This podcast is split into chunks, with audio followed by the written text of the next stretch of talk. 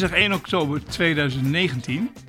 De dag waarop nummer 136 van vakblad Fondsenwerving op de mat valt.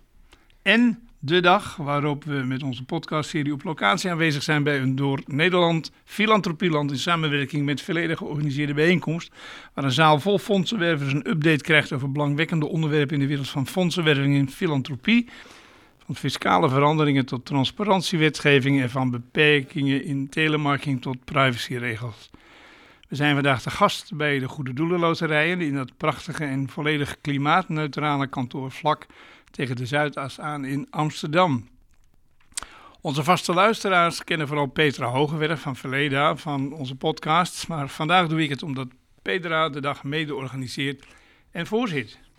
Ik ben Jaap Zeekant, oprichter en hoofdredacteur van vakblad Fondsenwerving en bij mij aan tafel in onze mobiele studio, ook bij de Goede Doelenloterijen, zit Siep Wijzenbeek, sinds niet zo heel lang directeur van De Fin, de Vereniging Fondsen in Nederland, de club van de, goede, van de vermogensfondsen. Je zou kunnen zeggen de brancheorganisatie van de vermogensfondsen. Is het de Fin of het Fin eigenlijk? Ja, wij zeggen de Fin. Uh... En, en, dat is ook goed, hè? de vereniging. Ja, het is de vereniging. Ja.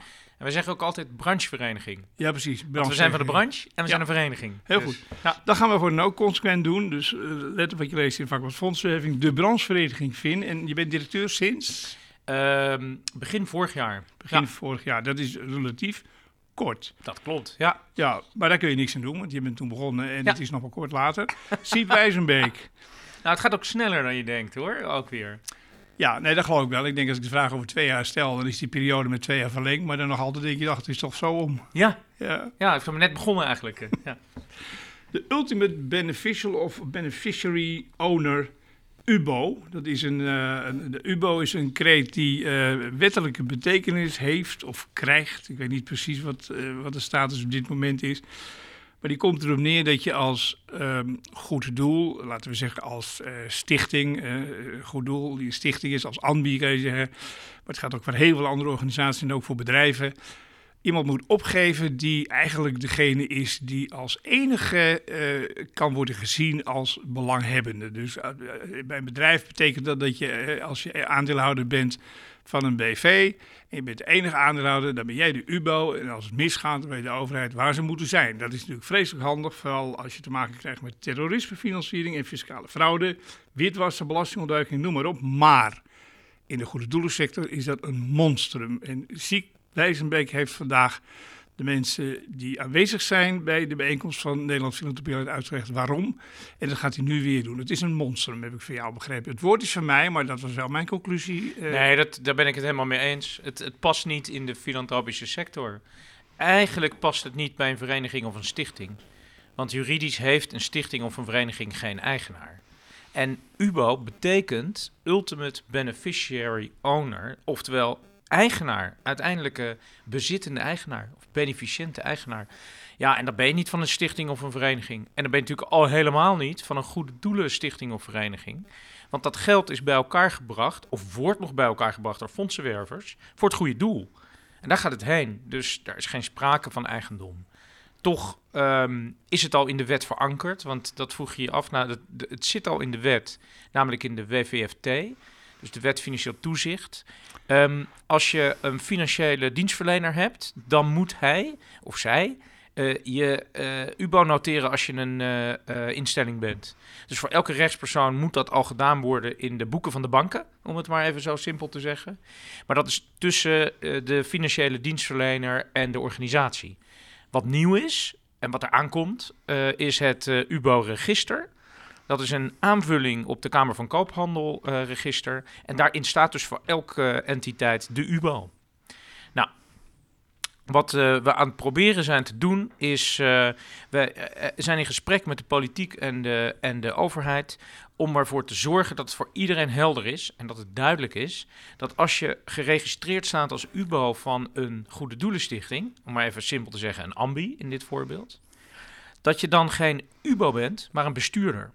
En dat je in het register staat, in het UBO-register staat, omdat je bestuurder bent. Want dat register dat moet er komen van Europa. Dat is Europese wetgeving. Dat wordt in elk land geïmplementeerd. Nederland is een van de laatste om dat te doen. Dus we komen er niet onderuit, ben ik bang, dat elke entiteit in een register staat. Alleen wat wij willen is dat dan duidelijk is dat het niet een UBO betreft, namelijk geen ultimate beneficiary owner, maar een bestuurder. En zo zit het ook bij uh, goede doelen in elkaar. Er zijn statutaire toestellingen. Uh, daarin staat waar het geld voor bestemd is. Het bestuur handelt in geest van die uh, statutaire doelstellingen en zorgt ervoor dat het geld op de goede plek komt. En die goede plek is zeker niet hen zelf. Terwijl als je eigenaar van een bedrijf bent, ja, dan kun je dividend uitkeren. Dat kan en dat is legitiem. En dan ben je wel degelijk een UBO. Dat kunnen ook meerdere mensen zijn, kunnen heel veel mensen zijn. Uh, in dat geval uh, is het ook zo dat er dan uh, mensen worden aangewezen. Maar dat zijn andere aangewezen mensen dan de bestuurders van goede doelen. Dat willen we transparant krijgen. Want als uiteindelijk de achterkant van dit uh, verhaal is dat we meer transparantie met elkaar willen. Nou, daar op zich kan niemand tegen zijn. En dat het duidelijk moet zijn met wie je zaken doet. Daar is ook niemand tegen. En als het moeilijker wordt om uh, slechte dingen te doen met een rechtspersoon, zoals witwassen of terrorisme financieren, zijn we ook niet tegen.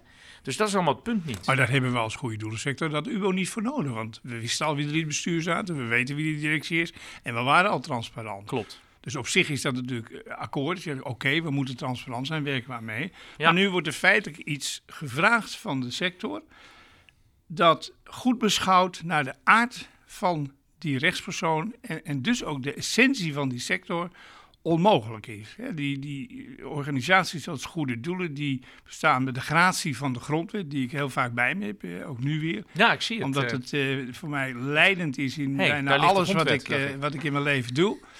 En uh, wat zei je? Sorry. Ik dacht, hé, hey, daar ligt de grondwet. Ja, nee, daar ligt hij ook inderdaad. En dat is ook goed. De grondwet ja. hoort gewoon op elk bureau te liggen eigenlijk. Ja. Want uh, wat daarin staat is de basis van alles wat we met elkaar doen. De democratie en de grondwet.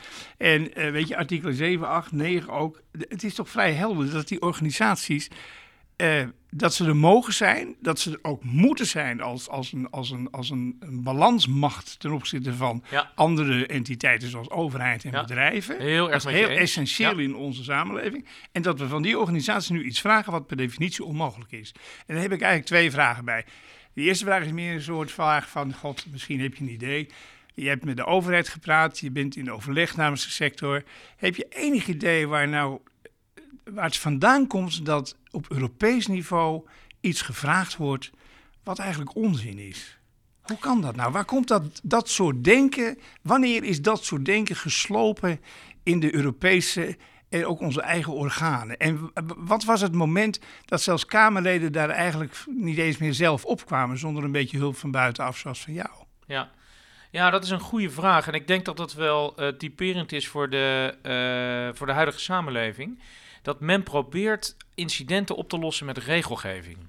En er is volgens mij al meer dan voldoende regelgeving. En de overheid heeft meer dan voldoende instrumenten in handen om uh, witwassen en terrorisme tegen te gaan. Ze moeten ze alleen gebruiken.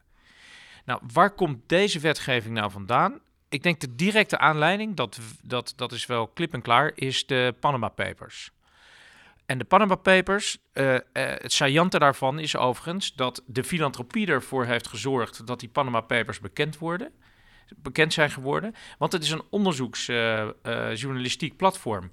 En de filantropie is de, de, de financier van deze onderzoeksplatforms. Zonder filantropie geen onderzoeksjournalistiek. Welk fonds was dat? Ehm, nou, dat maakt niet uit. Het zijn ook meerdere fondsen. Dus uh, en ik weet niet of ze daar zelf uh, ook direct uh, over, over willen vertellen. Maar, maar dan laat ik aan hen. Dan lopen we kort nadat we het over transparantie hadden, alvast op dat punt. Ja, zeker. Eigenlijk zouden ze daar gewoon vooruit moeten komen. Ja, ik, ik denk... denk... ook wel dat het bekend is overigens. Ja, ik denk wel dat ze dat doen. Maar ja. ik, ik, ik, ik, ik, bedoel, het is niet als brancheorganisatie aan mij om dat, om dat hier nu te zeggen. Maar waar het vooral om gaat, is dat het uh, organisaties zijn. Nou, bijvoorbeeld Stichting Democratie en Media. Dat is er eentje van. Nou, die is daar klip en klaar open over. Ja, en terecht. En dat is gewoon hun, uh, hun kern. Ja. Hun kernactiviteit. Ehm, maar om even terug te komen. Dus de Panama Papers, dat zien we. hey, er zijn mensen die zich verschuilen achter entiteiten. Daar moeten we iets aan doen.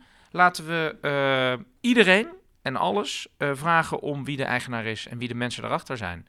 En dat is dan een soort regelgeving van one size fits all.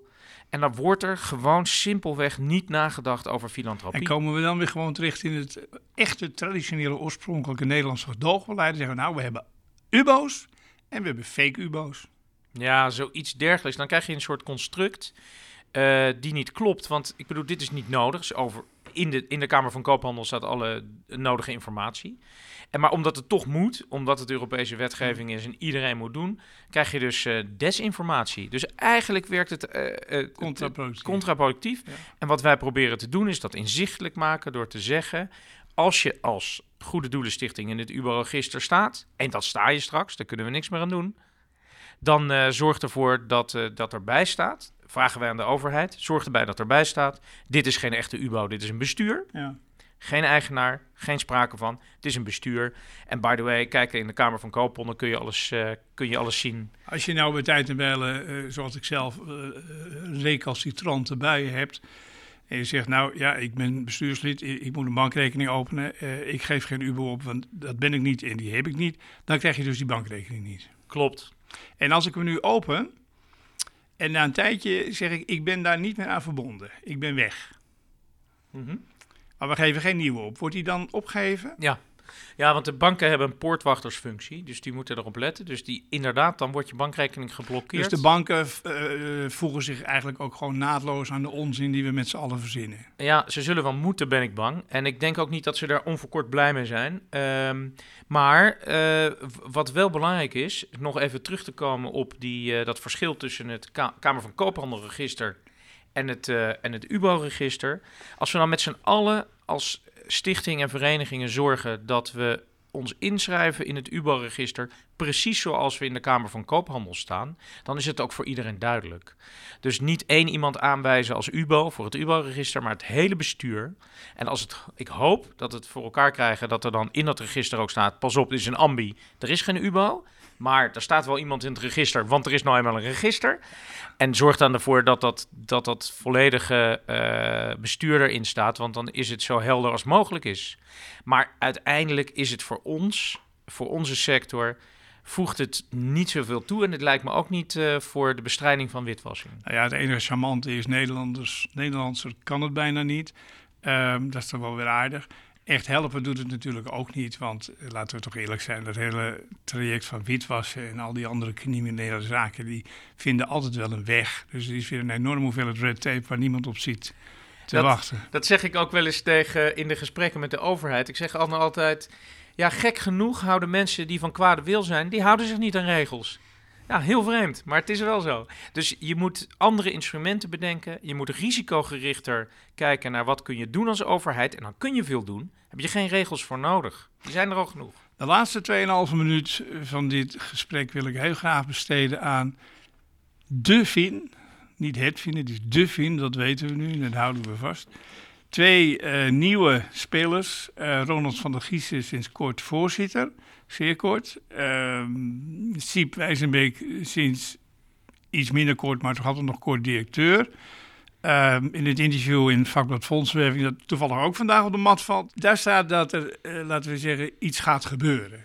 Het, ik zeg het netjes, het was toch een organisatie die duidelijk wel aanwezig was, maar op de achtergrond. Ik denk dat ik het zo netjes zeg.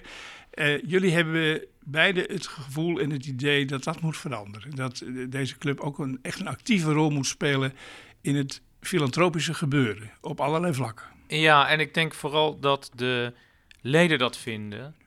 Want daar gaat het vooral om, want we zijn een vereniging, uh, zoals we net al uh, zeiden. Dus wij doen niet zoveel wat de leden niet willen. Sterker, we doen wat de leden willen. En je ziet dus vermogensfondsen en foundations, corporate foundations, familiestichtingen die leden zijn bij ons, toch meer naar de voorgrond treden. En waarom? Niet uit van kijk, ons dit nou doen, maar meer vanuit we willen duidelijk maken wat we doen om effectief te zijn en om samen te kunnen werken. Want als je niet vertelt wat je wil, dan kun je ook niet samenwerken. En in bijna alle uh, maatschappelijke problematiek die onze leden willen aanpakken, is samenwerken essentieel. Je kan in je eentje, hoe groot je ook bent en hoeveel geld je ook hebt en wat je ook allerlei vermag, je kan in je eentje maatschappelijke problematiek niet oplossen. Heb je andere organisaties voor nodig, uh, moet je voor samenwerken en daarvoor moet je jezelf laten zien. En het is ook zo, uh, dat is misschien, dit is de positieve reden. Er is ook een minder positieve reden. En dat is dat er de, tegenwoordig in de samenleving nogal veel wantrouwen is. En dat wantrouwen willen we wegnemen door te laten zien hoe het in elkaar zit. En wat onze leden doen en hoe ze bijdragen aan de maatschappij. Dat er geen reden is voor wantrouwen. En dat willen we wegnemen. Dankjewel. Uh, niet alleen voor deze podcast waar je je pauze aan hebt opgeofferd in het midden van de event. Maar ook voor het verhaal. Het UBO is niet iets wat voortdurend wordt besproken. En het is denk ik goed dat daar nu bij stilgestaan wordt. Want hoe dan ook zullen we op enig moment, en dat is toch op redelijk korte termijn, met z'n allen dat register moeten gaan invullen. En dat is dan toch een beetje het moment van de waarheid. Of daar verder nou nog iets mee gebeurd is in het tweede. Maar het moet wel gebeuren. Ja, helaas. Dankjewel. Dankjewel.